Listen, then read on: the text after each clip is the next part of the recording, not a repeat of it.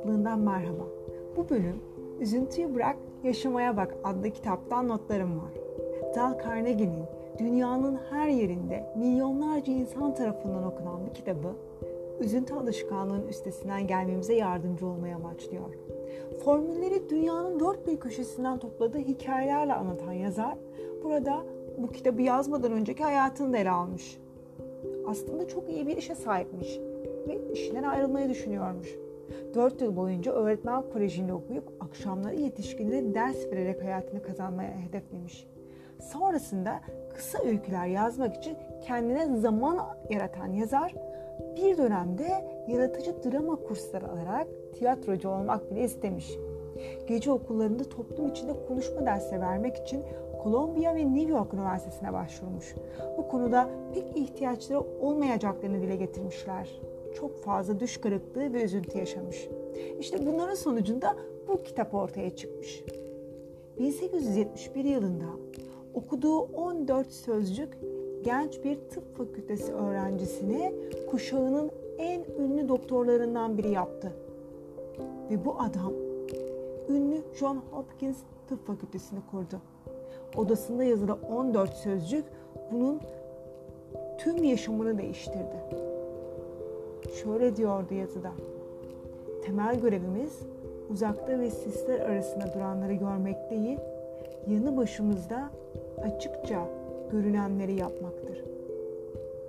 Kum saatiyle ilgili çok değişik bir metafor var. Bu şekilde hiç düşünmemiştim. Hayatını bir kum saati olarak görmeni istiyorum. Kum saatinin tepesinde binlerce kum taneciği vardır. Bunlar saatin ince boynundan yavaş yavaş geçerler. Ne yaparsak yapalım birden fazla kum taneciğinin kum saatine zarar vermeden boyundan geçmesini sağlayamayız. Biz de bu kum saatine benziyoruz.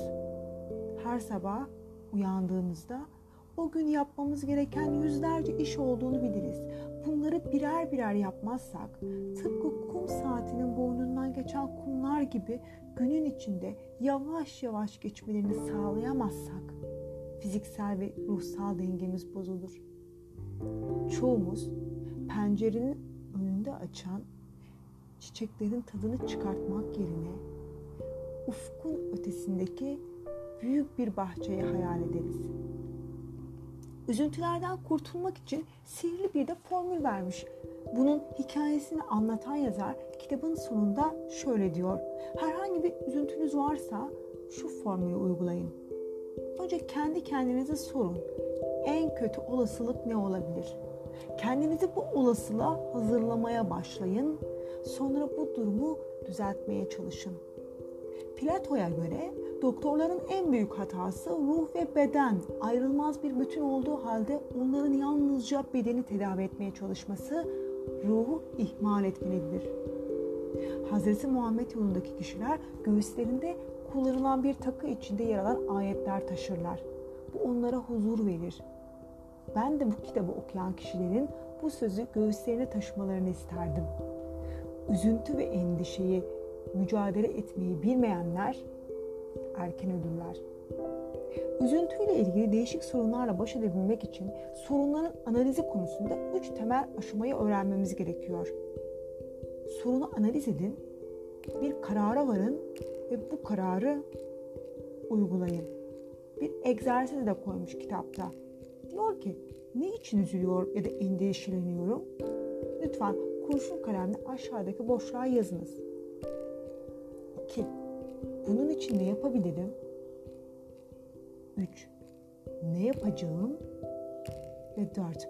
Bunu yapmaya ne zaman başlayacağım? İnsanların kütüphanelerde ve laboratuvarlarda bulunduğu huzurdan bahseder yazar.